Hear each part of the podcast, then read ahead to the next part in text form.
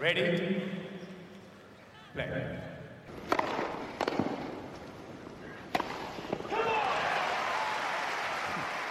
Merhabalar, Farklı Kaydet'in Tenis Podcast'i Inside Out'un 45. bölümüne hoş geldiniz. Ben Gökalp. Ben Anıl, merhaba.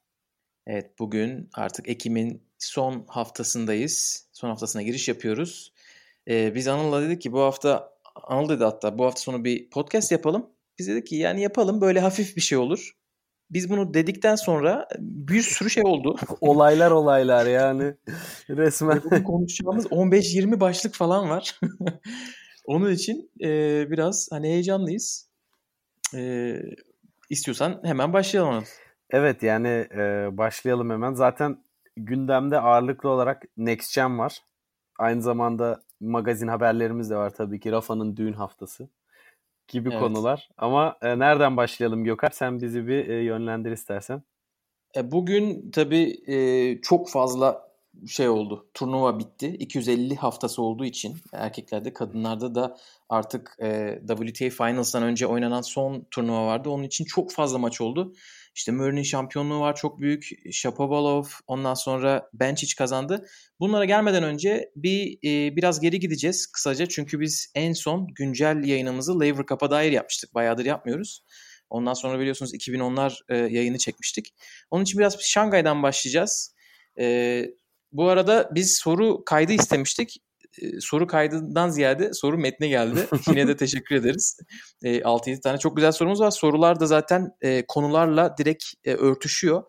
Bir tanesi konulardan bağımsız onu sona saklayacağız. Diğer soruları ben konu geldikçe soruyu okuyarak e, bağlayacağım konunun içine diyerek istersen Şangay'dan başlayalım. Sonra yavaş yavaş bu hafta turnuvalarına gelelim. En son dediğin gibi bir kısa haber serisi de yapacağız. Ee, Şangay'da Medvedev finalde Zverev'i yenerek şampiyon oldu. Bu senenin arka arkaya Master kazanan ikinci ismi mi, ilk ismi mi ne oldu? Ee, yani ilk hiç Master yokken Master kazandı. Medvedev gerçekten çok iyi e, oynuyor. Hatta burada direkt Medvedev sorusuyla gireyim. Bizim e, iyi dinleyicilerimizden Rabia sormuş. Demiş ki Medvedev'in müthiş bir geleceği olduğunu herkesin inancı tam. Bu kadar emin olmak için sizce biraz erken değil mi? Sizce de biraz erken değil mi? Medvedev'in tenis hakkında yorumlarınızı duymayı çok isterim. Anıl burada sana bırakayım. Şimdi Gökhan yani geçen hafta çok nostaljik bir e, kapanışımız oldu. Hani hep böyle Nadal konuştuk, Murray konuştuk, e, Federer konuştuk, Djokovic konuştuk. 2010'a doğru yönelik. Sanki bizden böyle çağrıyı almış gibi yeni nesil Next Gen o, o, yayından sonraki süreçte inanılmaz bir Next Gen e, dinamizmi oldu ortada ve bunların tabii en başında Medvedev geliyor. Hani e, biz hatırlıyorsan geçen sene de Medvedev'i ara ara çok e, şey konularda konuştuk. Hani potansiyeli var ama işte unforced error sayısı fazla. Çok bamgüm oynuyor. Taktik kurgusu yok. Biraz sabırsız filan. Yani zaten bundan önceki yayınlarda da belirttiğimizin üstüne aynı şekilde devam ediyor. Hani sabırlı oynuyor. Biraz daha Djokovic'in tarzına yaklaşıyor. Puanları sonuna kadar oynuyor. Az hata yapıyor. Gerektiği yerde gücünü kullanıyor vesaire. Böyle acayip robot gibi, duvar gibi garip bir e, oyun tarzına büründü. Hani buna yönelik zaten çok yerde de paylaşılan söylemleri var. E, şey gibi hani insanlar farklı bir şey istiyordu bu sene tenisten. İşte ben onlara farklı bir şey veriyorum. Hiç duygusuz bir şekilde resmen hani oynamaya devam ediyor. Çok robot bir oyun tarzı var. E, yani böyle bir Nadal'dan alışkın olduğumuz o yüksek enerjili, duygusal bağırışlar, çığırışların tam tersi bir karakter var ortada. Ee, Ben açıkçası Medvedev'in şu andaki seviyesini hani bir yarım sene daha sürdürürse hakikaten efsane tenisçiler arasında geçeceğini e, emin olabiliriz diyorum. Yani bu seviyede oynamaya devam ederse Avustralya için şu anda mutlak favorileri arasında ki hani bunu Big Three dışında birine ilk defa söyleyebiliyoruz. Hani bu noktada Evet. e, Moskova'dan çekildi. Şimdi Viyana'dan da çekildi. Ki bence iyi ki çekildi. Hani biz Nadal'a Lever Cup'ta kendini zorladığı için biraz kızmıştık hatırlıyorsan. Hani Medvedev kariyerinin bu kadar başlangıcında tedbirli hareket etmesi aman uzun vadede sağlığıma yönelik kronik sakatlıklardansa e, kısa vadede bir iki turnuvayı es geçmeyi tercih ederim deyip zaten sıralamada 4 numaraya 3 numaraya geldi. Hani onun üstüne şu anda çıkma şansı da yok. Bir sonraki Grand Slam'e kadar kendini dinlendirmesi çok önemli. Çünkü 6 turnuva üst üste oynayarak şu an faal tenisçiler arasında hani Big Three'nin hemen arkasında geliyor. Yani böyle bir başarı arada Grand Slam'lerin olduğu, Masters turnuvalarının olduğu bir dönemde 6 turnuvayı arka arkaya final veya şampiyonlukla bitirmesi yakın tarihte yok böyle bir başarı. O yüzden hani insanların heyecanlanması çok normal. Yani biz de heyecanlanıyoruz yeni bir tenisçi e, mentalitesi ve karakteri geliyor da çünkü hani şuna benziyor diye bileceğimiz bir yere yerleştiremiyoruz kesinlikle. Herkesten böyle biraz bir şeyler var ama başlı başına bir karakter olmuş vaziyette Medvedev ve yani e, burada antrenörüne de ayrı bir parantez açmak gerekiyor. Hakikaten çok iyi hazırlanıyor e, Medvedev turnuvalara ve turnuva sırasında da rejenerasyonda da zaten hani maçlarını izleyenler de görür. Her tarafında bantlar vesaireler de var. Hani çok e, rahat bir e, fiziksel durumda hareket etmiyor. Sınırlarda gidiyor ama tedbirli davranıyor. Bu da iyi bir şey. Ben oyun stiline e, çok heyecanlandırıcı bulmuyorum açıkçası Gökalp. Çünkü e, sert vuruşları ve agresif oyun tarzından uzaklaştı biraz. Ama başarıya götüren yol bu onu ve dolayısıyla sersleri zaten çok evet. etkili. E, ve o da böyle bir strateji geliştiriyor.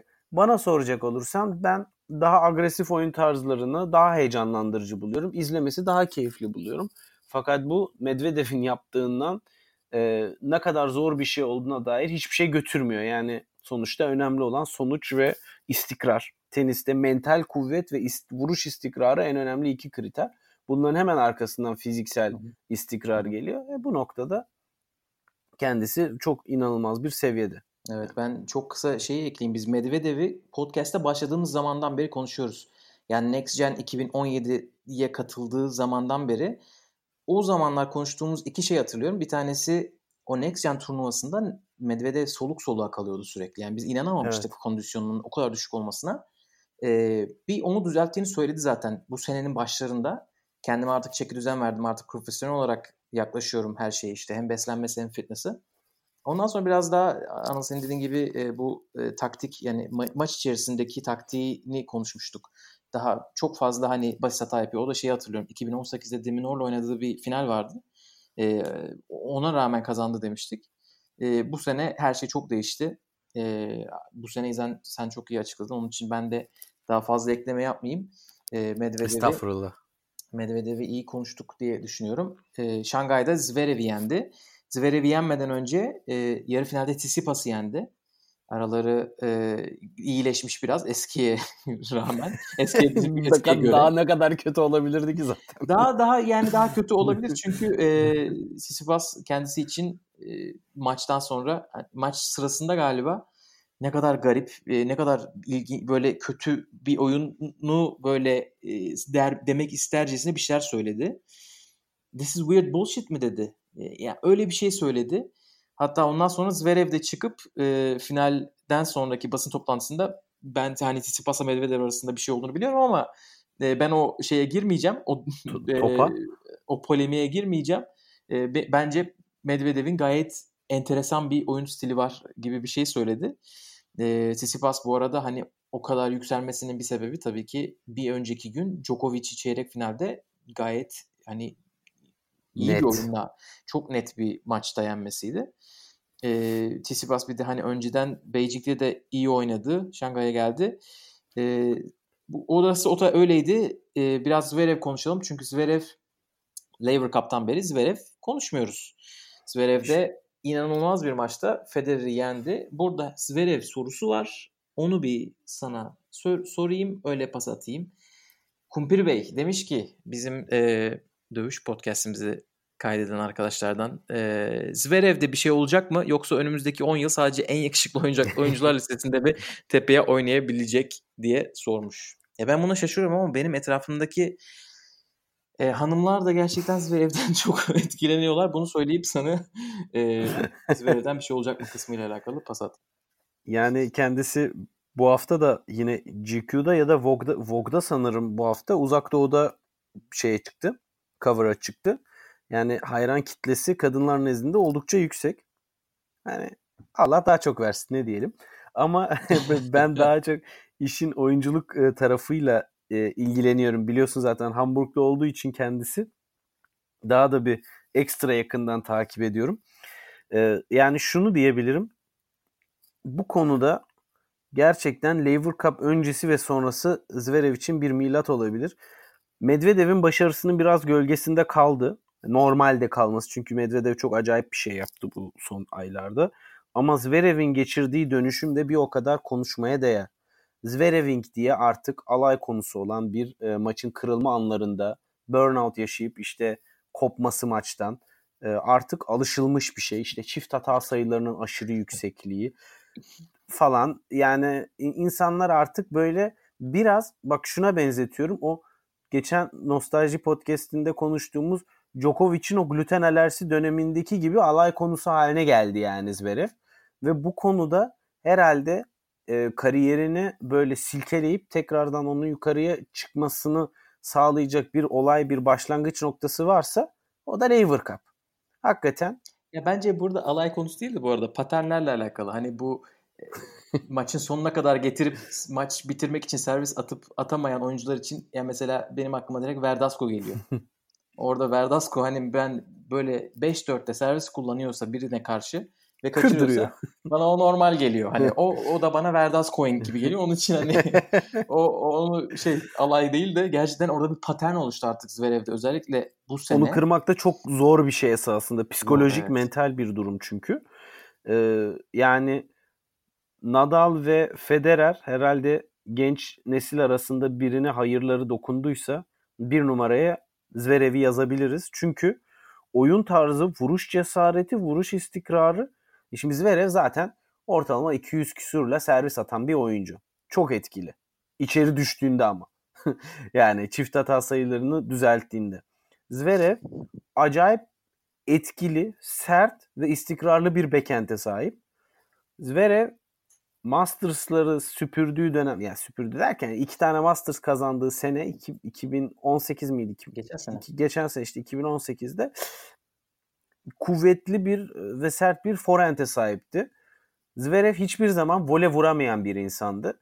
Ve şu anda Şangay'da izlediğim Zverev gerçekten hani forentinde çok daha fazla bir istikrara sahip. Bekendi yine o gerçekten güvenilir ve vurmayı istemeyeceğiniz taraf olarak e, çok etkili.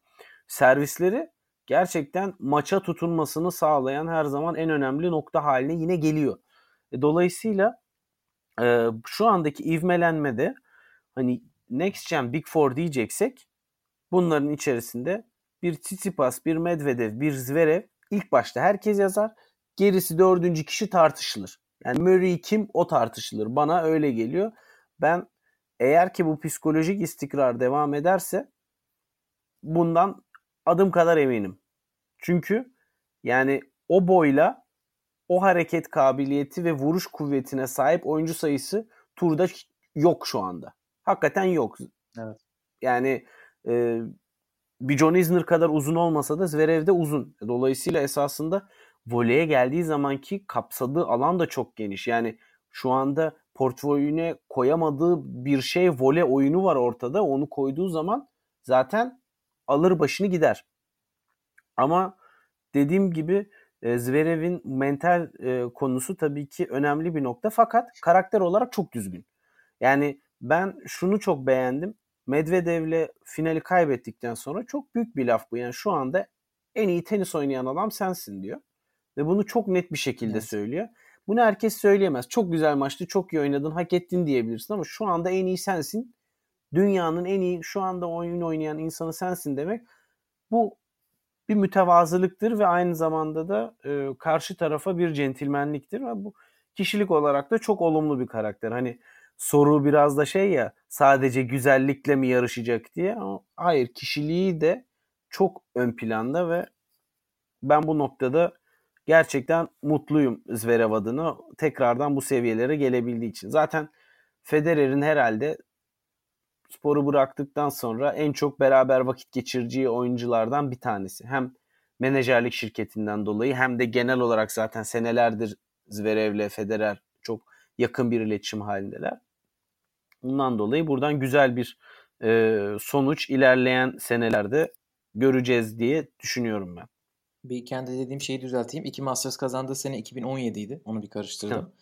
E, Roma ile Kanada'yı kazanmıştı. Evet. Bir Geçen de, sene hani, sadece Madrid'i kazandı çünkü. Evet. Bir de e, hani bu kadar uzun boylu oynayıp bu kadar iyi, en iyi değil. Çünkü Medvedev'le aynı boydalarmış şu anda. ee, hani şu anda şu anda aynı boydalar demek istemedim ama şu anda Medvedev daha iyi oynuyor. İkisi de hala o zaman 1.98. Tamam. Ee, Hiç o kadar için, uzun gelmemişti bana Medvedev. Bana iki buçuk metre gibi geliyor. Bir de uz, ince olduğu için arkadaş. Sana iki buçuk metre gibi mi geliyor? Çok uzun gözüküyor ya. Gözükmüyor mu? Ben Sana benim algımda bir zayıflık var o zaman ne diyeyim. Estağfurullah canım. ee, ben Alex Deminor'u da çok kısa düşünmüştüm. Kendisini Kaçmış? şahsen görene kadar. Yani ben 1.70 falan sanıyordum. Biraz daha uzun. Şaşırmadık mı beraber? Geçen sene Milan'da konuşmuştuk. Bakalım. 1.83'müş. Ben bu çocuğu 1.70, 1.73 falan sanıyordum. Çiroz bir şey gibi duruyor. Ama işte yani tenis tenisin de ortalama ideal boyu 1.85-1.95 arası diyorlar zaten. Hani e, hem yani değiştiriyorlar bu kuralları. Zverev, Medvedev. Tabii. Bu insanlar Raonic falan bile çok iyi hareket ediyor. Çünkü e, diyelim yani topun altına çok fazla girmeden de kuvvetli vuruşlar sergileyebiliyorlar. Spinden ziyade düz vuruş tarzıyla. Aynen, aynen öyle. İstiyorsan bir sonraki konumuza geçelim. Bu arada Zverev'in e, Beijing'de de Pekin'de de Felix'i yendiğini hatırlatalım. Gayet güzel bir iki hafta Zverev, geçirdi. Medvedev'e kadar çok, çok net kazandı bütün maçlarını yani. E... Evet, Rublev da yendi Şangay'da. Gayet Federer maçı yani onun için bence noktası. dönüm noktası olabilir. E, diyelim ve de istiyorsan. E, bu biraz daha yakın haftalara geçelim. Geçen haftanın en çok konuşulan şampiyonu of. tabii ki Coco Gauff'tu. Ve Coco Gauff'a dair iki tane sorumuz var. Oradan başlayalım konuşmaya. Doğukan Dilber sevgili Doğukan demiş ki e, Gauff diyorum uzunca konuşun. Neler bekliyorsunuz kendisinden?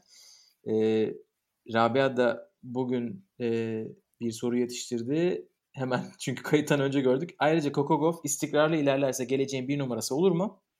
Ailesiyle olan ilişkisi, ekrana yansıyan o görüntüler de bence farklı bir istek katıyor insana Coco izlemek adına. Coco hakkında ne düşünüyorsunuz? Ee, Gökay bence önce hani Coco'yu sadece başlık halinde duyanlara biraz Coco'yu anlatmanın da e, faydası var. Yani bir kere şu çok kritik bir nokta hani geleceğe yönelik planlama açısından istikrar bir şey olabilir mi diye. Şimdi bu kız tenis tarihinde en genç yaşta ana tablo oynayan e, elemelerden gelip ana tablo oynayan oyuncu. Yani bu gelmiş geçmiş. Wimbledon'da. Bu inanılmaz bir başarı. Aynen.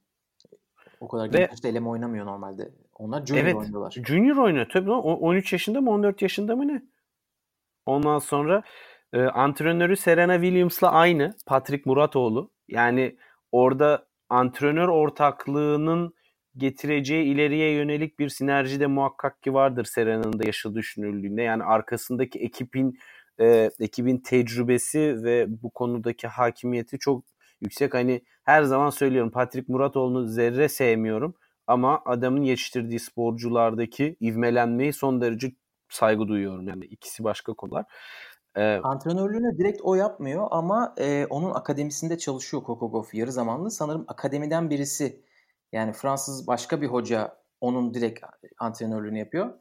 Onun için e, Patrick Muratoğlu da ben şaşırdım. Ben Patrick Muratoğlu'nun biraz hani e, övgüyü %100 kendisine almasını beklerdim ama çok dürüstçe şey diyor. Bize zamanının yarısı bizde, yarısı Amerika'da çalışıyor ama hani bizde çalıştığı dönemde beraber çalışmış olmaktan çok mutluyuz. Ben onu gördüm. Hatta işte 8-9 yaşındayken akademime geldiler falan diyor. Direkt kendisi değil ama Serena ile zaten Serena büyük ihtimalle başkasıyla zamanını paylaştıracak şeyi yoktur. Böyle ben, bir lüksü yok. Yani tabii ki bu Serena'nın kariyerinden sonra daha ağırlık kazanabilir. Çok önemli bir nokta hani karakteri ve gelecek planlaması açısından. Se, e, Coco da hani şu anda tabii ki bir Serena bir Venüs kadar e, seviyede olamaz ama bu yaşında da şu anda sosyal projelere ağırlık e, vermeye çabalıyor. Yani bu da biraz onları rol model olarak e, görüyor gibi sanırım o community'de. Zaten Michelle Obama, Serena, Rihanna, e, Beyoncé bunlar hep örnek aldığı kişiler. Yani biraz aynı benzer e, backgroundlar var. Üniversiteye gitmek istiyor yani e, college tenisine e, dönmeyi planlıyor ileride. Şu anda şunu söylemekte fayda var. 15 yaşında olduğu için senede sadece 9 turnuva oynamaya izni var WTA tarafından. Bu yaştaki biri gitsin okuluna okulunu okusun diyor çünkü tenis mantığı. Ama o tabi az turnuvada çok puan toplayarak 80. sıraya kadar çıktı. Ve hani e, zaten şunu diyor. Kendisi Venüs'ü kazandıktan sonra Venüs'ü yendikten sonra pardon o gerçekten herkesi heyecanlandıran galibiyetten sonra ben gelmiş geçmiş en iyi tenisçi olmak istiyorum demiş. Yani hani direkt o I want to be the greatest demiş. Dolayısıyla kendisi zaten hedeflerini çok yükseğe koymuş. Arkasında da iyi bir ekip var. Ailesi çok bilinçli görünüyor. Sponsorlardan destek yağıyor adeta. Yani bir sakatlık olmazsa ben Coco Gauff'un ileride çok fazla Grand Slam alacağına inanıyorum. E bu noktada da heyecanlanan herkes son derece haklı diyorum. Çünkü inanılmaz bir potansiyel göstergesi var. Evet şu anda sıralamada 69 numaraya kadar yükselmiş. 69'a yükseldi mi? Yani ben bu canlı sıralamada e, evet doğrudur. Ha. Çünkü bıraktığın anda yükseliyor zaten bu aralar. İlk ilk turda elenmesine rağmen e, herhalde büyük ihtimalle burada geçen sene bu haftada puanı olanların kaybından dolayı iki, iki sıra yükselmiş gözüküyor. Çünkü evet puan kazanmadı bu hafta. İlk turda elendi Lüksemburg'da. Ama ilk turdan da puan kazanıyorsun. Yani çok az da olsa çünkü oradaki hani geçtiği hmm. isimler arasındaki puan farkı 4 puan falan. Belki oradan bir şey gelmiş olabilir ya da geçen sene kıtı kıtı. kaybedenlerden olabilir. Ee, ya ben biraz işin hani oyun tarafıyla konuş alakalı konuşayım. Sen e, off court konuştun. Evet. Ee, yani bu yaşta bu kadar oturmuş ve hani güçlü bir oyun görmek şaşırtıyor insanı. Çünkü hani böyle Junior Slam finallerinde bazen izleyebiliyoruz. Hani Avustralya çık mesela YouTube'dan veriyor. Diyorsunuz ki evet yani elleri çok iyi gözüküyor ama biraz daha kas gelişimine ihtiyacı var. İşte daha küçük tabii ki. Ki junior finallerini bu arada 17 yaşındakiler oynuyorlar genelde. Yani istisnalar tabii ki var. Böyle 5 senede bir daha küçükler oynayabiliyor. Erkeklerde daha çok. Kızlarda belki biraz daha 16-17 değişiyordur. Ee, ama Coco Gauff'un bunu becerdiği yaş 13 yani 13 yaşındayken Amerika açığı kazandığı için Gauff zaten Amerika'da uzun zamandır konuşuluyordu. Yani ve kendisinden heyecanla bekleniyor. 2-3 devre üstteki isimleri biraz gölgede bırakmaya başlamıştı. Ve çiftler partneri Katie McNally de yani şu anda 17 yaşında. O da 17 yaşında Gökhan. Yani o da 4 yaş büyük. Beraber gidiyorlar yani o seviyede. Kendisinden 4 yaş ileride bir seviyeyle ilerliyor. E, ve bu sene işte oynamaya başladı. Bence servisi de forehand'i de backhand'i de gayet iyi gözüküyor. Herhalde geleceğe dair biraz daha umut veren hani Rabia'nın sorusu dünya bir numarası olacak mı? E, ya bir numarası evet olur neden olmasın dedirten bana şu geliyor. Yani özellikle forehand tarafında çok net böyle gelişim alanları gözüküyor. Yani düz topları çok fazla vurmuyor ama o kadar güçlü vuruyor ki spin topları da. Servisi de gayet iyi. ilk servisi. Ee, yani voley oyunun zaten gelişmeme imkanı yok. Çünkü çiftler turnuvaları kazanıyorlar. Çatır için, çatır hem de. Hani böyle bence şey biraz daha böyle fundamental böyle temel sorunlar olduğu zaman ilerleyemiyor junior'dan oyuncular ileriye. Ee, ne bileyim işte forehand'i mükemmel, servisi mükemmel ama backhand'i yok. Ya da işte volesi yok ya da servisi çok kötü. Ya da işte psikolojik sıkıntısı var. İşte bir maç çok yüksek bir maç çok düşebiliyor. Ya böyle şeylerin hiçbirisi yok Gauff'ta. Dediğin gibi aile faktörü burada çok önemli. Çünkü bu işe çok erken girdiler. 15 yaşındayken bu kadar yüksek spotlight. Yani Amerika çıldırmış durumda. Çünkü yeni Serena geldi diyorlar. Çünkü Serena da bırakacak. Onun için onlar da yeni bir star arıyorlardı. Hah diyorlar bu star bu. Federer'in bu bizi bir 30 sene götürür. Aynen öyle zaten 15'ten başladı bu gider. Federer'in teammate'ine dahil zaten. Oradan da sponsorluklar geliyor. Ee, ve yani çok hani böyle efendi bir çocuğa benziyor kendisi. Hiç böyle şey de yok. Ee, nasıl bunları kaldıracak, bu baskıyı nasıl kaldıracak tabii ki ailesi yanında ama çok da olgun gözüküyor. Bunlar o gereksiz o beraber... 15 yaşındaki halini düşünsene Gökalp. Evet. Yani evet. burada evet. aileden gelen çok büyük bir e, eğitim çabası var herhalde. Biz evet, bu kızı aileyle... hazırlayalım erken yaşta bu başarıları kaldırabilsin mental olarak diye. Evet aileyle çok sağlıklı bir ilişkisi vara benziyor. Çünkü aileyle sağlıksız ilişkisi olan çok fazla tenis oyuncusu var. Özellikle böyle bu parent coach işte böyle ebeveyn e, antrenörlerde bu çok fazla ön plana çıkıyor ama ailede hiç öyle bir şey gözükmüyor. E, bir de yani bu şu anda çok rekor kırıyor tabii ki. En genç, en genç, en genç. Şu zamandan beri en genç. E, yani 2004'ten beri, Vaidishova'dan beri en genç WTA şampiyonu oldu. Ve belki daha erken olabilirdi Anıl'ın söylediği kural olmasaydı. Hani bu sene 15 yaşına kadar oynayamadı. 15 yaşında da belli böyle yani sınırlı seviyede sayıda turnuva oynayabiliyor.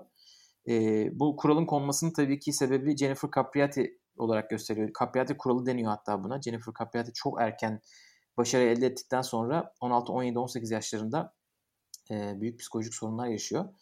E, ve hatta işte oradan yani Amerikan medyasının ağzına sakız oluyor ve çok kötü bir dönem geçiriyor. Tekrar geri geldiği zaman filan neler yaşadı ya Capriati yani.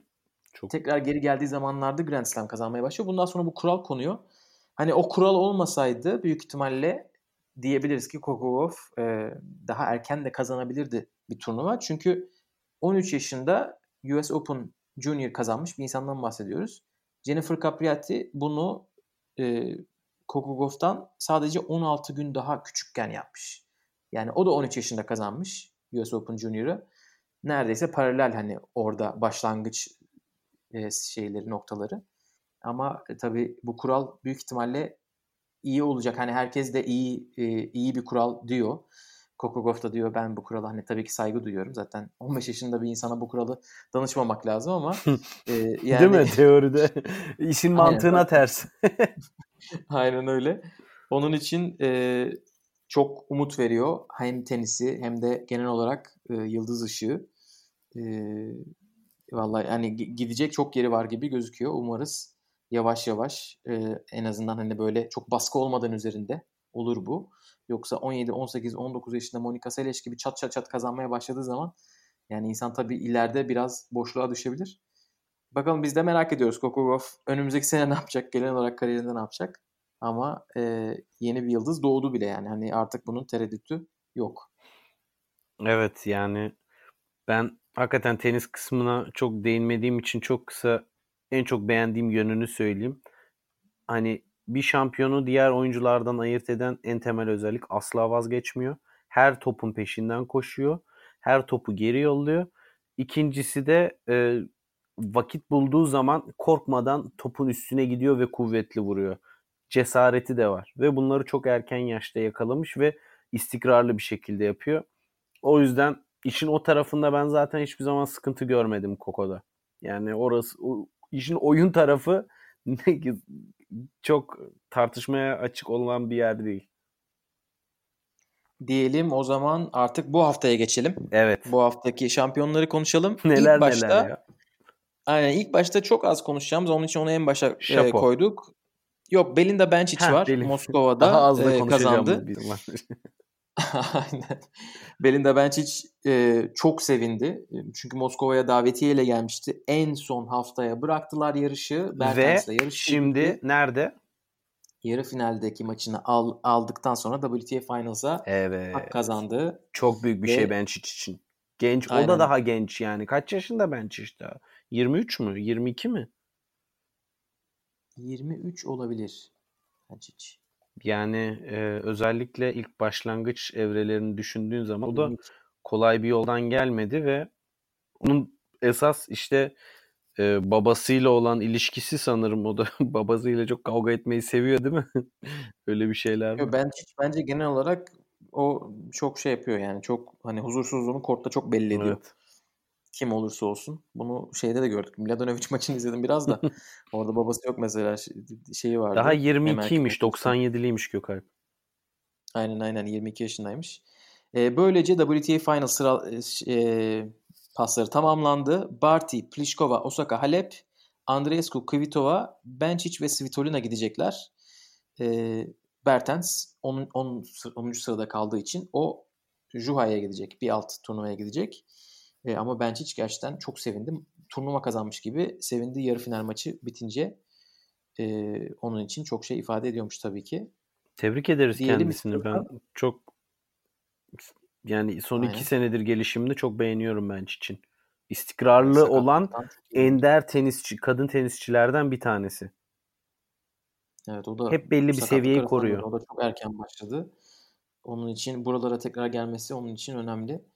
O da çok böyle ilk 200'ün içinde değildi belli bir süre önce. Tabii. Bir bu sene işte US Open'da yarı finale çıkması tabii onu çok rahatlattı. Aynen aynen öyle. O zaman Shapovalov demişken Shapovalov'a gelelim. Yani Shapo'yu biliyorsun çok severim. Burada lafı sana bırakıyorum. Ya yok hatırlıyorsun Shapo'yu beraber antrenmanını izlemiştik e, Madrid'de 2018'de. Yani orada çok yakından da gördük. Yani yağ gibi akan bir tek el bekendi var. Çok kuvvetli de bir forehand'i var. Voley oyununu da seviyor. Servisi de iyi. Yani e, hakikaten Next Gen içerisinde oyunuyla korta duygularını katıp agresif oynamayı seven ve cesur oynayan oyuncuların en başında geliyor. Ben bunu çok seviyorum. Ya bu tarz oyuncular her turnuvada e, yani tenisin seyir zevkini çok üst düzeye çıkaran bir e, karakteri var. Yani tek el backhand drive volley vuran kaç kişi sayabilirsin? Şapo bunlardan bir tanesi. Ve hani ben bu turnuvada yarı final ve final maçlarını izledim Şapo'nun. Hakikaten korttaki duruşunda ciddi bir olgunlaşma var. Yani o aşamayı biraz geçebilmiş gibi. Hala daha tabii ki e, Grand Slam'ler biraz soru işareti. O e, korttaki 3 setlik maçlardaki oyun istikrarını 5 setlik maça taşıyabilir mi?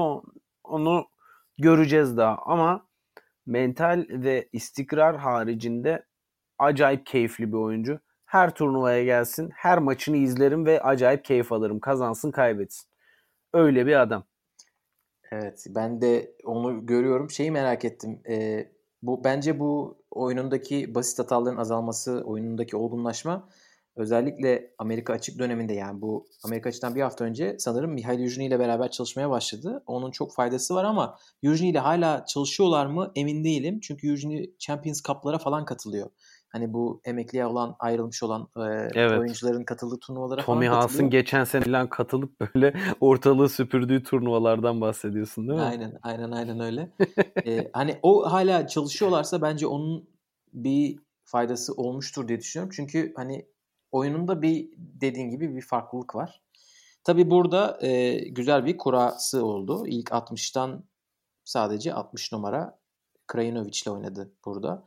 E, ama onun için yani çok net aldı bu arada maçlarını. Onun için e, herhalde. Süpürdü geçti yani rahat oynadı. Evet güven şey yapmıştır pompalamıştır. Diyelim bir sonraki şampiyonumuza geçelim mi? Yelena Ostapenko. Ostapenko yani Ostapenko'yu sana bırakayım Gökalp çünkü e, onun sen kariyerini Roland Garros şampiyonluğundan sonra da çok ciddi şekilde takip ettin diye biliyorum ve evet. hakikaten yani iniş çıkış yani takip edilecek bir şey kalmamıştı ortada hakikaten ve evet. Yani Ostapenko Shapovalov'un hani böyle paraleli olan bir şey olabilir çünkü çok inanılmaz winner'lar yapıp inanılmaz basit hatalar yapan bir e, oyunu vardı. Evet. Fransa açığı nasıl kazandığını hala bilmiyoruz. Yani o gerçekten bir turnuvada Zaten ya yani maç bit, bitmiş maç döndü yani. Çok Roland Garros tarihinin en garip kadın finallerinden biri olabilir o. Evet, burada Doğukan'ın sorusu var. Bartoli etkisi Ostapenko'ya seviye atlatır mı demiş. E, Marion Bartoli ile çalışmaya başladı. E, iki hafta önce e, Yelena Ostapenko. Çok yeni daha evet. Ve gerçekten de o iki haftada oynadığı iki turnuvada finale çıktı. Birisini kazandı işte bugün. Lüksemburg'u kazandı. Linz'de de Coco Gauff'a yenildi e, finalde. Ve ondan önceki bütün senesine bakarsanız Ki orada da güzel oynadı. Bütün, yani 2019 boyunca 3 tane maç kazandığı yok arka arkaya.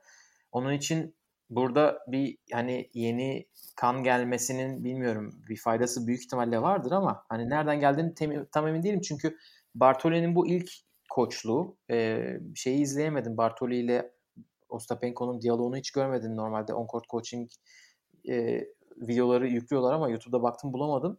Onun için Bartoli'nin coachingine emin değilim. Sadece Bartoli ile ilgili şöyle iki ilginç şey var. Bir tanesi Ostapenko ile bence oyunları benzeşiyor. E, Bartoli de çok fazla hani böyle spini daha düşük.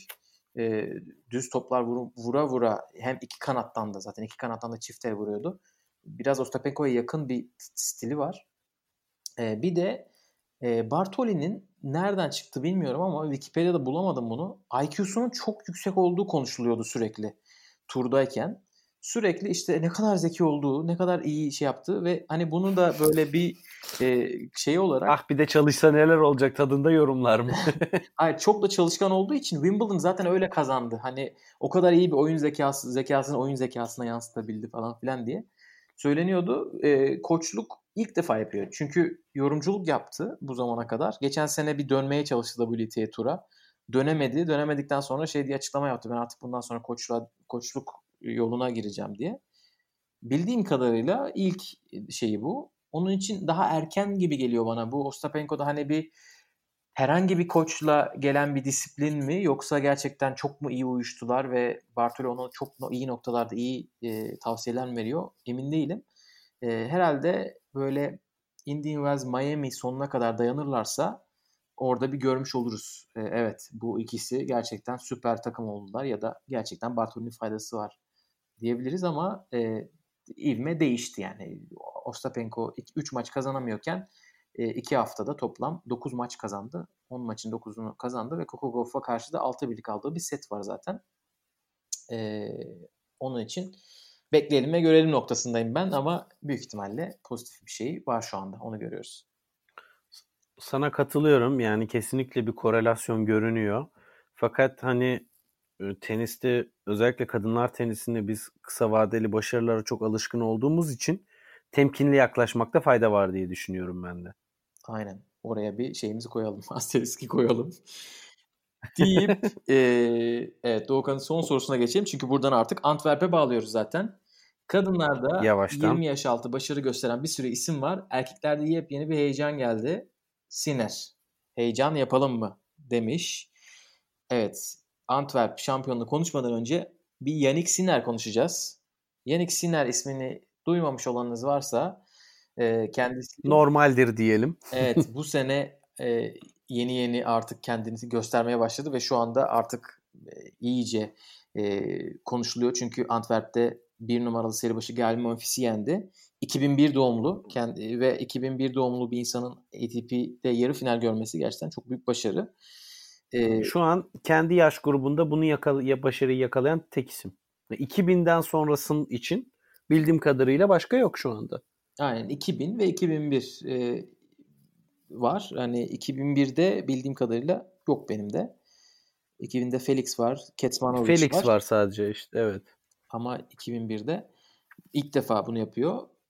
Galiba sorunun ilk kısmı heyecan yapalım mıydı? Bence onun için heyecan yapalım. E, çünkü yani bu şeyi yapabilmek sınıfının hani bu 2001 yılında doğan insanlar arasında ilk olmak herhangi bir anlamda. Çünkü ilk Challenger'ı kazanan da o oldu bu senenin başında. 2009 şey e, Şubat'ta Bergamo'yu kazandı İtalya'da. Sonra bir tane daha kazandı. E, hem Challenger kazanan hem de böyle ATP'de yarı final gören ilk olmak senenin e, çok önemli. Yani bunu daha önce yapanlar sırasıyla Felix, Chapo, Kasper Ruud, Zverev, Çoric, Kyrgios. Böyle bir listeden bahsediyoruz. Gayet iyi bir trend. Yani bir önceye gitmiyorum. Çünkü zaten öncede Hughet'ler, Nadal'lar falan var. Bence sadece bu yeter deyip sana sözü sana bırakayım biraz. E, ben Siner'in en çok beğendiğim yönünü söyleyeyim. Bu konuya hakikaten çok dikkat ediyorum. O yüzden biraz tekrara düşebilirim ama Korta çok sakin. Yani maçı kazanıyor. Kazandığı sıradaki sakinliğini zaten hani herkes böyle e, bir yorum yaptı. Ama oyunlarda kritik sayılarda adam tam bir poker face. Tamamen net duruşu hiçbir şekilde hani o mesela bench işte dedik ya çok fazla duygularını gösteriyor diye. Siner'de hiç öyle bir şey yok ve bu çocuk 17 yaşında mı 18 yaşında mı ne yani o sınırlarda. Ben e, yaşına rağmen muazzam bir olgunluk görüyorum onda da Gauff gibi. Fakat e, tabii ki şu anda gelmiş olduğu seviye ATP 250 turnuvalarında e, bu kadar erken böyle bir başarı yakalaması çok büyük. Fakat eğer ki heyecan yapalım mı konusundaki soru bu çocuğu yakın zamanda Grand Slam yarı final finalde görebilir miyiz derse diye sor e, yorumlarsak biraz daha var onu. Yani ben e, hız konusunda çok iyi olduğunu düşünüyorum. Forentlerini çok beğeniyorum. Hani farklılaştıran noktaları. Ama top seviye bir oyuncu olması için sanki bir iki sene minimum daha e, yolu var gibi görünüyor. Evet oyundan konuşmaya başlamışken ben de Wawrinka maçını izledim. Hani dedim bir şey yapayım. Artılarını eksilerini düşüneyim neler var diye. E, maça bir kez mükemmel başladı. Yani 2-0 galiba. E, Wawrinka'nın ilk servisini kırdı. Şeyi çok rahat görüyorsunuz. Yani ayak hızı mükemmel senin dediğin gibi. Onun üstüne yani topu o kadar erken alıyor ki hani böyle o çok doğal bir şeymiş gibi gözüküyor. Hareketmiş gibi gözüküyor ve hani onun yaptığı hareketten topun o kadar hızlı geleceğini tahmin edemiyorsunuz. Ve bence bu Agassi seviyesinde bir top vuruşu. Tabii bu forehand ve backhand top spin'den bahsediyorum. Tabii oyununda daha tamamlanacak şeyler olması lazım 18 yaşında. İşte Wawrinka mesela oyunu biraz slice ile çözdü. Ki Wawrinka inanılmaz oynadı bence o maçta. Hani o kadar yüksek bir seviyede oynamasaydı Siner e, Wawrinka'yı zorlardı. E, bence şeyi de var. Hani oyunu kafasında kurabiliyor da. iyi e, şey yapabiliyor. Vuruş seçebiliyor. Ne zaman forehand'e ne zaman backhand'e gideceğini görebiliyor. Ben e, bu doğallık konusuna çok taktım Siner'le beraber. Felix'ten daha akıcı olduğunu düşünüyorum vuruşlarının. Hani bu daha başarılı olacağı anlamına gelmiyor. Ama daha içgüdüsel zamandır... mi geliyor sana vuruşları yani ya böyle çok düşünmek ve timingi çok daha e, böyle doğru gibi geliyor. E, yani teknikte büyük ihtimalle hepsi zaten çok iyi seviyelerdedir ama timing artık çok fark ettiği için bir şey bir oyuncudan bir oyuncuya stil Özellikle şu anda sert zeminde izliyoruz oyuncuları. Yani evet. onun da etkisi var. Evet yani ben hani Diminor mesela en en hızlı oyunculardan diye konuştuğumuz Next Gen'den. Mesela Diminor'da bir şey var. E, bir de, değişik vuruyor mesela backhand'i. Çok değişik bir gripi var. Ama temiz bir alış alışkın olduğumuz bir teknik değil. Evet çok yani şey hataya biraz açık aslında. O kadar hızlı olmasa çok hata yapabilecek. Çünkü spini çok düşük bir backhand vuruyor. Ama Siner'de öyle bir şey gözükmüyor. Bir de hani o da iyi bir takımla geliyor. Ricardo Piatti e, den hani o akademiden geliyor. Ricardo Piatti'de büyük isimler yetişti. Hani Djokovic'in orada geçirdiği zaman var. Raonic. Sharapova bu yaz oraya gitti. E, İtalya'nın fabrikası şey konumuna gelmek istiyorlar. Seppi'den sonra Sinner'i de almışlar. Bir de şöyle bir avantaj olabilecek bir bilgi var. E, Yannick Sinner birkaç sene öncesine kadar profesyonel kaya çok düşünmüş ve hani şampiyonlukları da varmış. E, hani kayak biraz marjinal bir konu teniste. Federer mesela İsviçre'de İsviçreli olmasına rağmen kayak asla kaymıyor. Yani kendi bir sakatlık olur diye. Risk. Djokovic de tam tersine kayak kaymayı çok seviyor ve hani sert kortlarda bu kadar iyi kaymasının sebebi olarak kayak kaymayı gösteriyor. Onun için hani bunu acaba yansıtabilir mi? Djokovic'in bu formülünü uygulayabilir mi diye bir aklımda soru oluştu. Ama Yannick Sinner'le alakalı çok konuşacağız gibi gözüküyor zaten şimdi. Ee, Next Gen'e de katılıyor bu sene. O orada da güzel bir kıyas olacaktır diye evet, tahmin Next ediyorum. Gen ona davetiye vermiş ama o teşekkürler gerek yok diyerek kendi puanlarıyla zaten Next Gen'e katılmaya hak kazandı. Evet. Next e, Gen bu sene güzel olacak. Next Gen aynen. Yani geçen sene de güzeldi Gökalp. O kadar izledik.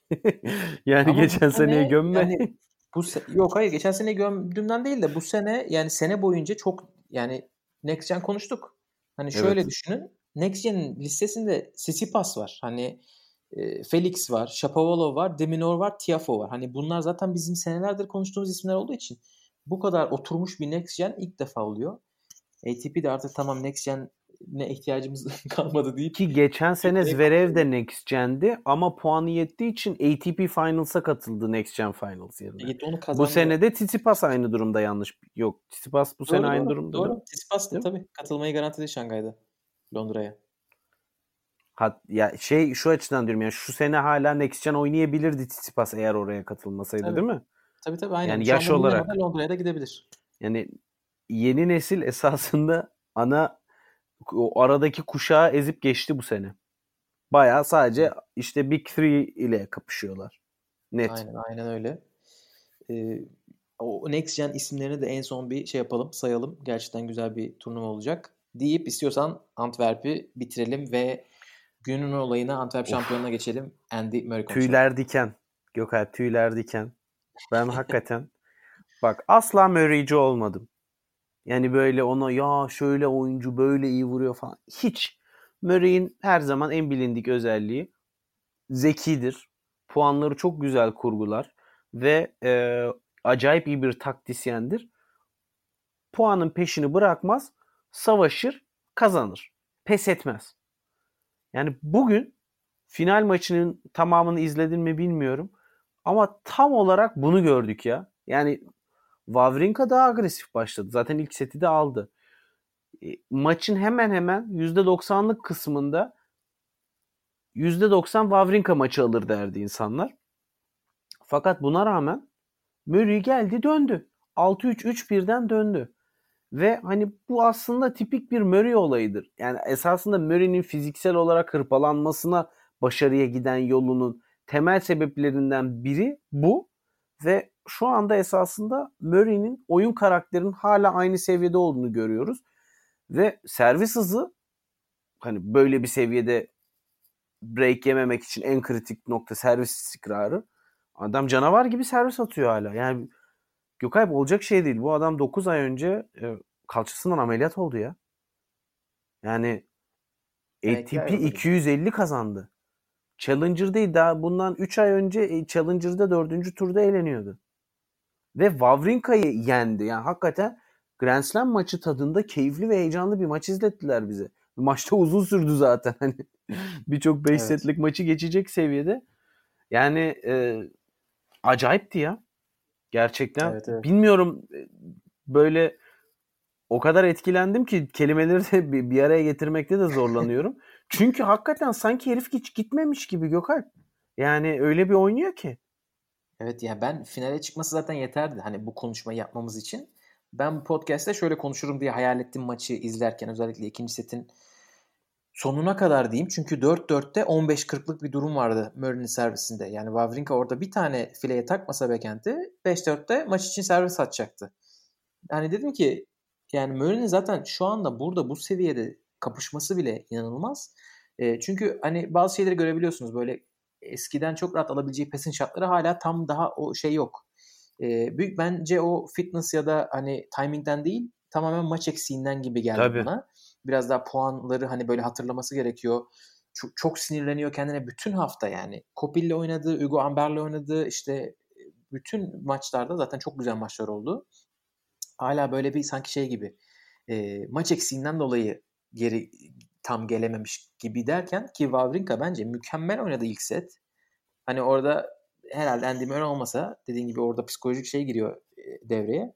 Herhangi birisi maçı bırakır ki 4-4'te 15-40'ta mükemmel bir servis attı galiba bir tanesi. 30-40 yaptı. Yani çok çok ilginç bir şey. E, sonra kırması zaten o kırdığı 5-4'te şey yaparken Wawrinka 4-5'te servis atarken Andy Murray'nin böyle inanılmaz uzun oynayıp e, şey yaptığı bir sayı var. Tekrar oynatılan bir sayı var. Oradan gelip seti aldı. E, ben inanamıyorum ya 250 kazanmış olmasına, ATP turnuvası kazanmış olmasına. Bu emekliye ayrıldı bu adam Ocak ayında. E, seni çok özleyeceğiz videoları çekildi. Sonra işte ya ameliyat biz düşünmüyorken podcast bile. Podcast yayını yaptık Murray üzerine konuştuk yani e, adamı andık resmen hani bitmiş bir kariyeri andık. Evet evet yani tabii ki herkes çok mutlu. 2020 iyice güzelleşti diyor herkes. Yani bu Wawrinka maçından üstüne gerçekten bu diğer saydığım iki maçta Kopil'de e, Marius Kopil ikinci ve üçüncü setlerde çok iyi oynadı Murray maçında. Hani Murray onları da iyi savuşturdu ve Goamber de Next Gen'e gidecek isimlerden bir diğeri. Fransızların güvendiği o da yeni isim. O da maç almak üzereydi. E, ilk seti rahat aldıktan sonra 5-5'ti ikinci sette maç. E, Murray her maçını savaşarak kazandı. Yani hiç kolay kazanmadı ama Murray hiçbir zaman zaten rahat maç kazanan bir insan değildi ki Gökay. Yani bu bu tarz oyunculara karşı Wawrinka bir kenara tabii ki. Yani tabii. hiç şey yapmazdı. Hiç 6-2 6-2 indoor bir turnuva da geçerdi. Hiç affetmezdi yani. Kopil olsun, başkası olsun. Ya ben Wawrinka'ya yönelik biraz yorum yapıyorum. Evet, Çünkü evet, büyük evet. maçları hep dramatik geçmiştir Murray'in. Yani hiçbir üst düzey ismi böyle çok eze eze yendiğini ben hatırlamıyorum. Bezdire bezdire yeniyordu. Yani böyle savaşarak, her şeyi geri yollayarak falan e, yeniyordu daha ziyade. Ama ya güzel evet. ya. Gökalp çok güzel ya. Gerçekten. Çünkü kişilik olarak kimsenin herhalde böyle antipati besleyebileceği bir yapısı yok Murray'in. Murray'nin. Ee, ve hani böyle karakterlerin genç oyunculara da çok iyi örnek olduğunu düşünüyorum. Dolayısıyla turda bu isimlerin devam etmesi tenisin geleceği açısından da çok önemli. Çünkü takım sporu olmadığı için turda diğer oyuncuları görüp örnek alabiliyorsun. Yani başka bir mecra yok çok fazla. Veya işte antrenör tercihi. Ama o da gerçekten antrenör tercihleri son senelerde çok fazla bir rotasyona uğruyor. Yani bu konuda istikrarlı isimler hakikaten en tepedekiler sadece. Evet yani bütün sakatlık boyunca hatta sakatlık da değil yani yani bu tenis geri dönme sürecinde Jamie Delgado, Andy Murray'nin yanındaydı sürekli. Ve tabii ki fitness koçu da e, trainer da öyle.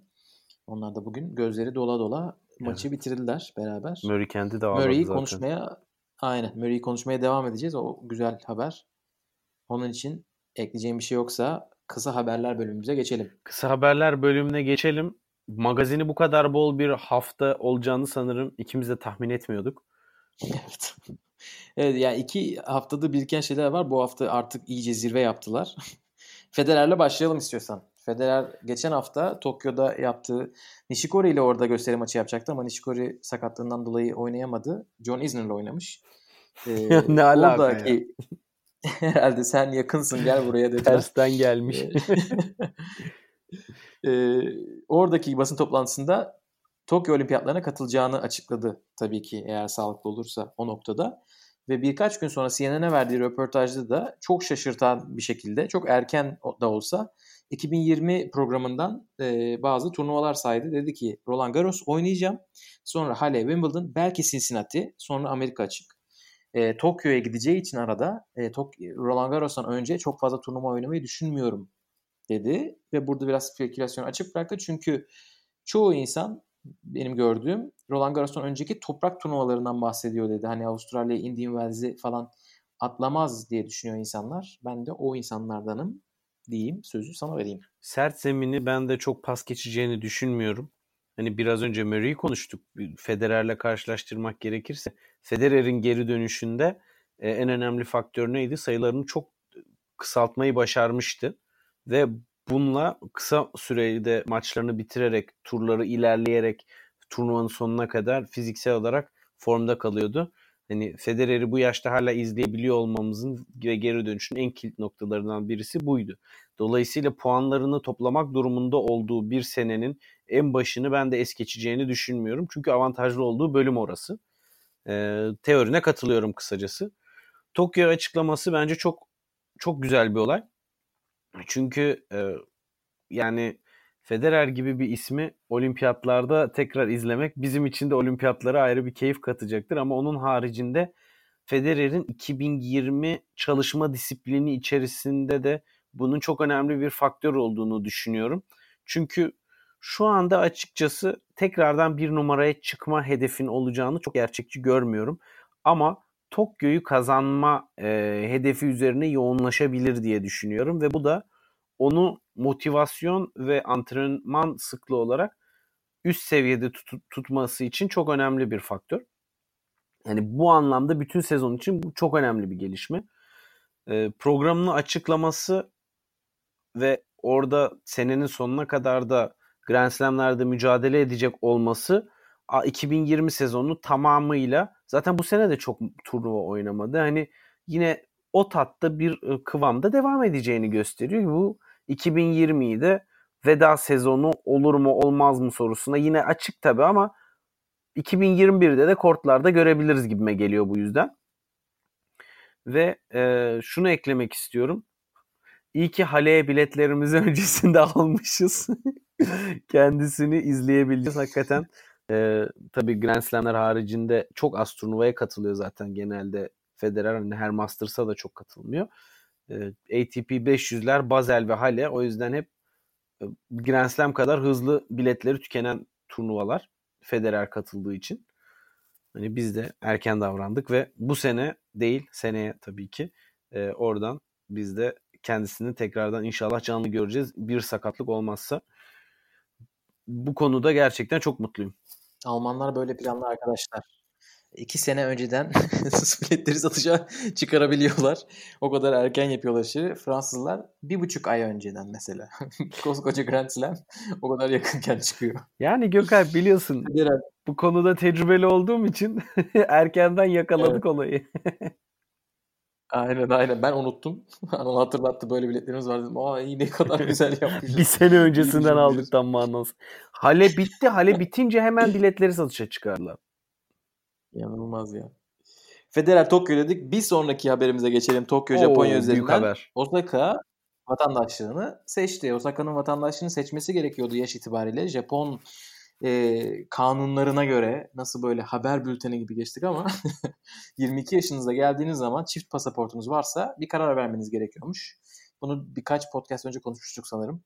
E, o karar anı gelmiş ve bunu sessiz sedasız Osaka e, Japonya tarafından yanından kullandı. Bunu bekliyorduk tabii ki. Ama açıklaması düştü. Evet. Ya bence bunda olimpiyatların etkisinin olmasının haricinde Osaka'nın Japonya'da yani Osaka Amerika'da da Japon bir tenisçi olarak e, kabullenilmiş vaziyette. Hem isimden dolayı hem görünüşünden dolayı. Dolayısıyla medya yoğunluğunun Japonya'daki seviyeye ulaşması hani işe duygusal değil stratejik açıdan baktığın zaman imkansız. Çünkü Osaka Nishikori ile beraber çok yani hayal edemeyeceğiniz kadar büyük isimler. Yani sokakta dolaşamıyorlar orada. Yani Nishikori zaten çok üst bir seviyede. O şapka, peruk ve güneş gözlüğü olmadan asla sokağa çıkamıyor Tokyo'da. Hani böyle e, gerçekten hakikaten kendi söyledi bunu. Ve hani öyle bir sponsorluk paraları alıyor ki zaten Federer'den sonra en çok sponsorluk geliri olan ikinci tenisçi Nishikori. Hani Osaka daha tamam o kadar büyük seviyede değil. Kadınlar tenisi, erkekler tenisi hani burada çok e, derin bir tartışmaya girebiliriz ama tabii ki Japonya'daki ağırlığı Osaka'nın çok bambaşka bir seviyede. Olimpiyatların da bu sene geliyor olması işi çok doğal bir akışmış gibi gösterdi bence.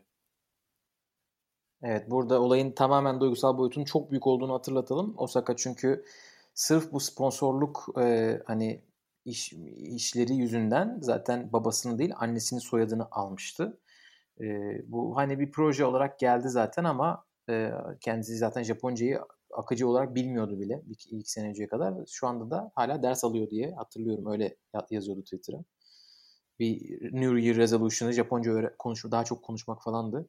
Ama e, bu da açıklandı bu hafta. Osaka demişken bir sonraki haberimiz eski antrenörü Sasha Bayin'e geçelim. Sasha Bayin bugün e, Miladonovic'i bırakmış.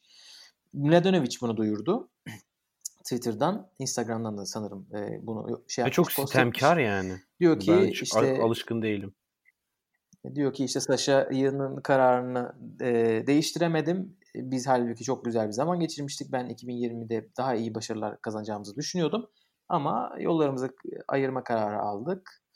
Hani kararın Sasha Bayin tarafından geldiğini çok net anlıyorsunuz. Tabii bundan sonra da Sasha Bayin acaba şimdi kimle çalışacak soruları çıktı. Bakalım kimle çalışacak. Acaba Osaka'ya geri mi dönüyor? Bence Osaka'ya geri dönmez. Gibi gibi. Çok net ayrıldılar. Dönmesin de zaten. Evet yani bugün şans eseri tam bu haberi e, okurken Sasha Bay'in podcast'ı dinliyordum bir tane. Bir podcast'e katılmış. Çok değişik bir karakter. Yani böyle e, Alman Sırp baba Sırp anne Alman sanırım. E, ve hani Almanya'da tenis oyuncusu olmaya çalışıyor. Sonra babası vefat ettikten sonra hitting partner, şey pardon koç koç olmaya karar veriyor ve coaching e, okuluna gidiyor 18 yaşındayken ve sonra Serena bunu şey yapıyor. Yanıma gelir misin diyor, hitting partner olur musun falan derken oradan bir başlıyor WTA'ye girişe. Sonra Azarenka Wozniacki ile hitting partnerlık yaptıktan sonra en son Osaka koçluğu. Ee, ama benim podcast'ten sezdiğim ha bir kez şey diyor podcast'te biz hani Kiki ile 2020 sonuna kadar deneme süreci olarak konuştuk diyor. Ve bu podcast hani birkaç hafta önce yayınlanmış. Hatta belki bir iki ay önce. Onun için hani bu bu kararla bağlantılı olduğunu düşünmüyorum. Ve kadınlar sezonu Juhay ve sene sonu finallerine katılmayanlar için bugün bitti. Onun için hani gerçekten 2019 seneleri bitti. E, Mladenovic ve Bayin'in ve hani bu sene bittikten sonra böyle bir karar alması aslında şey değil. Ani bir şey olmamış sadece beklenmedik olmuş. E, Mladenovic tarafından. Ama böyle e, bir şey konuşulacaktı arkadaş, ama aynen o karar zaten bu zaman alınacaktı. Sadece Mladenovic'in beklediği taraf olmamış. E, Sasha Bayin'in şöyle yaptığı bir şey var. Osaka'dan sonra büyük ihtimalle Japonya'da bayağı popüler bir isim olmuş bir şekilde ya da bir Japon menajerlik şirketiyle mi anlaştı? İşte e, mental olarak kendinizi geliştireceğiniz 50 e, nokta gibi bir kitap yazıyor. Ve bu kitap sadece Japonca da var. Şu anda İngilizcesi bile yok kitabın. Japon e, şeyine pazarına yönelik bir şey yapılmış. Hani bunlar Osaka ile aralarındaki gerginlik sebeplerinden birisi mi acaba diye insan düşünmeden edemiyor. Onun için bence Osaka'ya dönmeden önce gideceği başka yerler olabilir. Diyelim istiyorsan bir sonraki konuya geçelim mi? Geçelim. Evet. Dünya evine giren Ma en büyük en büyük magazini en sona sakladık. Aynen öyle. Nadal evlenecek mi? Anıl dedi ki evlenecek dedi. Şangay'a katılmayacak dedi. Ta bayağı ee, e, önceden söylemiştim değil mi onu? Kaç ay önceydi ya? Aynen öyle. Anıl dedim nereden duyuyorsun bunları dedim. O dedi ki Almanlar biliyorlar bunları dedi. Ve gerçekten de Şangay'a katılmadı ve Şangay'dan sonraki hafta dün yani kaç Ekim? 19 Ekim olmak üzere. Yoda bugün müydü ya 20 ya? Bu hafta sonu evlendi. Sadece korttaki olayları değil, kort dışındaki olayları da takip edebileceğiniz tek podcast Inside Out. yani bizim bir de şöyle e, Anıl'la Anıl'ın da tanıdığı bir arkadaşım var burada. E, İspanyol bir çift. Kendileri Çiska'nın yani Rafa'nın hanımının kuzenini tanıyorlar. Bugün onlara yazdım. Dedim düğünden fotoğraf var mı? Ya dediler ne fotoğrafı telefon almamışlar düğüne.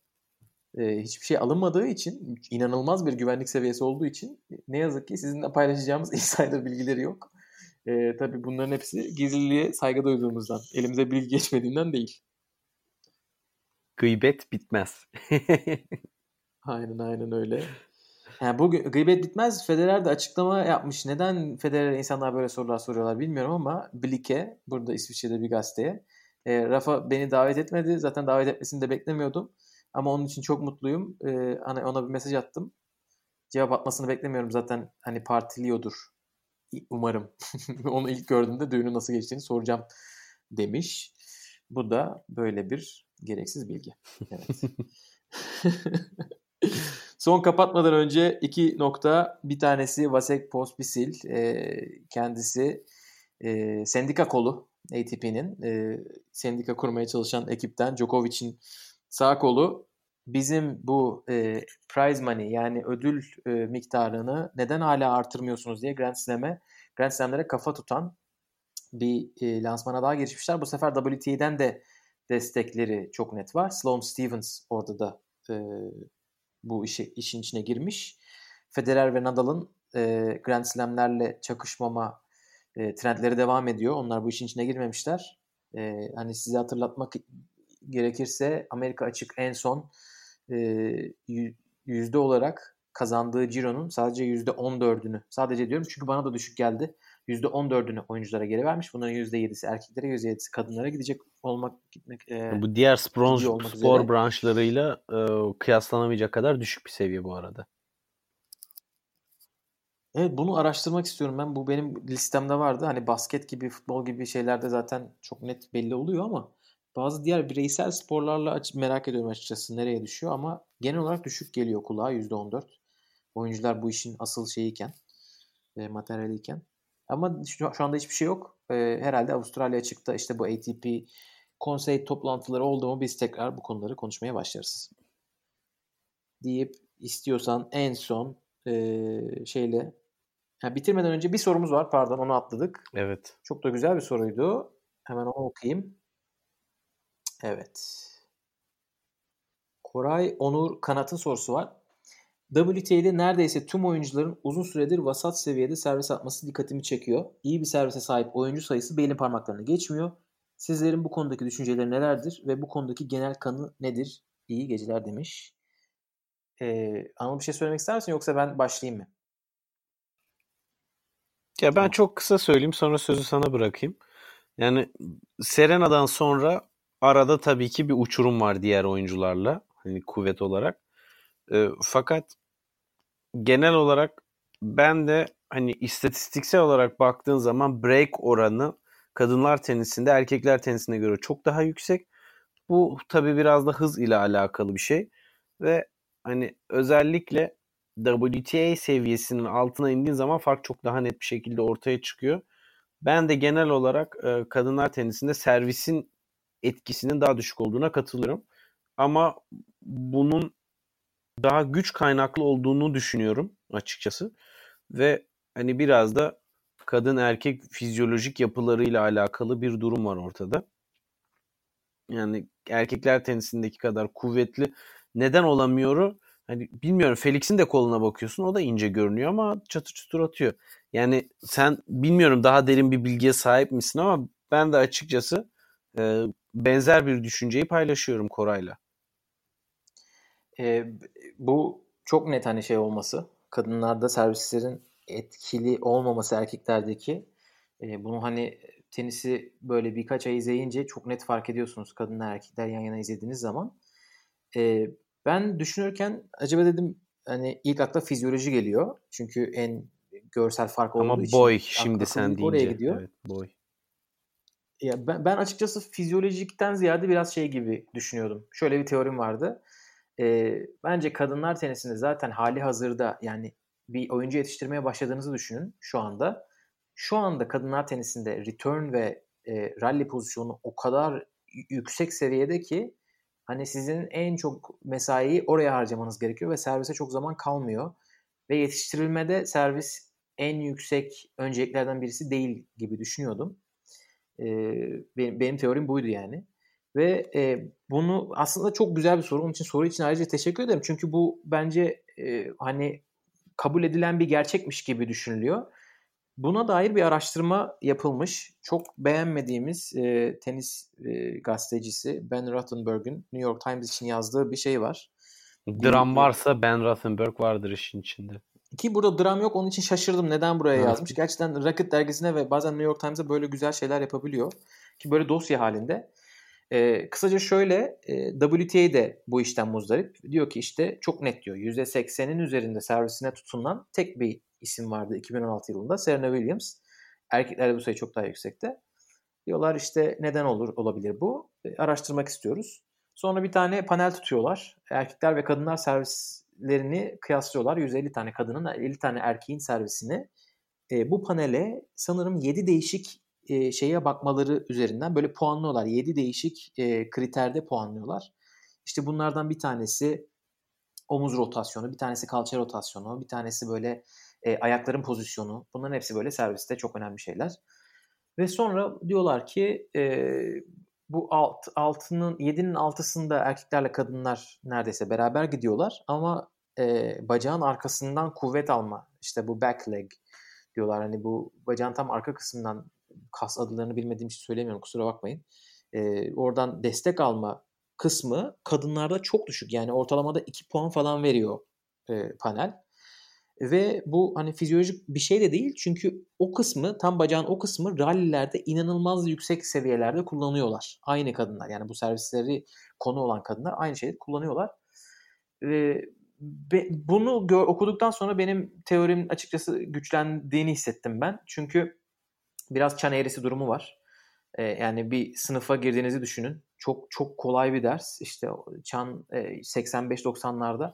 Onun için kendinizden o beklentiyle giriyorsunuz ama servis konusunda düşük çan eğrisi var gibi geliyor bana WTA'de. Yani Serena büyük ihtimalle zaten o makalede de şey diyor. E, bütün ortalamanın dışında bir tek Serena var. Onun için Serena'ya zaten onlar şey diye bakıyorlar. Zaten Serena olmak imkansız. Hani Serena ile kıyaslamamıza gerek yok. E, onun dışında servisi çok iyi olan zaten çok az insan var. Şu anda da işte Görges var, Pliskova var e, birkaç senedir. Ama o makalede çok ilginç. 2016 yılında Osaka'nın antrenörü diyor ki ben stratejimi ACE üzerine kuruyorum. Yani gerçekten de Osaka şu anda çok iyi servisi olan bir tenisçi. Ee, benim teorim onun için e, yetiştirilmede fizyolojik bir noktada olduğunu düşünüyorum. Ama bence fizyolojik olan şey e, servis oyunlarına tutunma değil de servis hızlarıyla alakalı bir şey olabilir. İşte erkekler 240 atıyorlarsa Kadınlar tamam 210'da kalabilsinler. Belki bence onunla alakalı ama servis oyunlarına tutunma çünkü burada servis attığınız pozisyon, ikinci servisinizin kuvveti bir sürü şey giriyor. Slice, spin varyetesi. Bence Yani 180'de de çok etkili servis atabilirsin. tabii 150 ile de sliding bir, bir dışarıya doğru bir servis atarsanız dışarıya derken hani kenar yana doğru bir servis atarsanız e, bütün oyunlarınızı kazanma ihtimaliniz yüksek. E, bence kadınlar tenisinde bu kısma çok fazla ağırlık verilmiyordu. Özellikle şöyle düşünün yani 2008, 9, 10'lu tenisçileri düşünün. Slam kazanan yani işte en iyileri Anna Clijsters. Williams'ı bir kenara bırakıyorum Serena ile Venüs'ü. Anna Clijsters, işte o zamanın bir numaralı Ivanovic, Jankovic, Sharapova, Dementieva. Yani bunların hepsinin servisleri sorunlu, çift hataları olan Ivanovic hala topa nereye atacağını bilmiyordu emekli olduğunda. Öyle bir baza sizin de zaten süper servis e, şeyiyle gelmeniz gerekmiyor bence. Hırslarıyla gelmeniz gerekmiyor. Ama şimdi iş biraz değişiyor. Şimdi işin içinde Osaka var. Andreescu'nun servisi bence gayet iyi. İşte Pliskova. E, bunların içine girmek için biraz daha mesai harcamanız gerekiyor gibi gözüküyor. Bence biraz da onunla alakalı. Fizyolojinin ne kadar faydası var, şey e, etkisi var açıkçası tam emin değilim. Ya tabii hız boyla da biraz alakalı. Ne kadar düz vurabildiğinle de alakalı. Evet. Ee, işin tabii, tabii, hız tarafına geldiğin zaman. Ama hani sonuçta Nishikori gerçeği veya Diego Schwartzman gerçeği de var deyip bence sorusuna Koray'ın gerçekten çok teşekkür ederim. Güzel oldu. Bu konu benim de çok dikkatimi çekiyordu. Ama hakikaten için yani konuya dair çok da fazla bir bilgi yok. Sen ne varsa bilgi koydun ortaya Gökalp. Hani emeğine, aya şey ağzına sağlık. Evet bir röportaj kaldı. Onu da artık gördüğümüz oyunculara sorarız. Sizin. Diyelim istiyorsan kapatalım mı? evet, kapatabiliriz artık. Buraya kadar dinlediyseniz tekrardan çok teşekkür ederiz. Bir dahaki yayında görüşmek üzere diyorum. Hoşçakalın. Güle güle.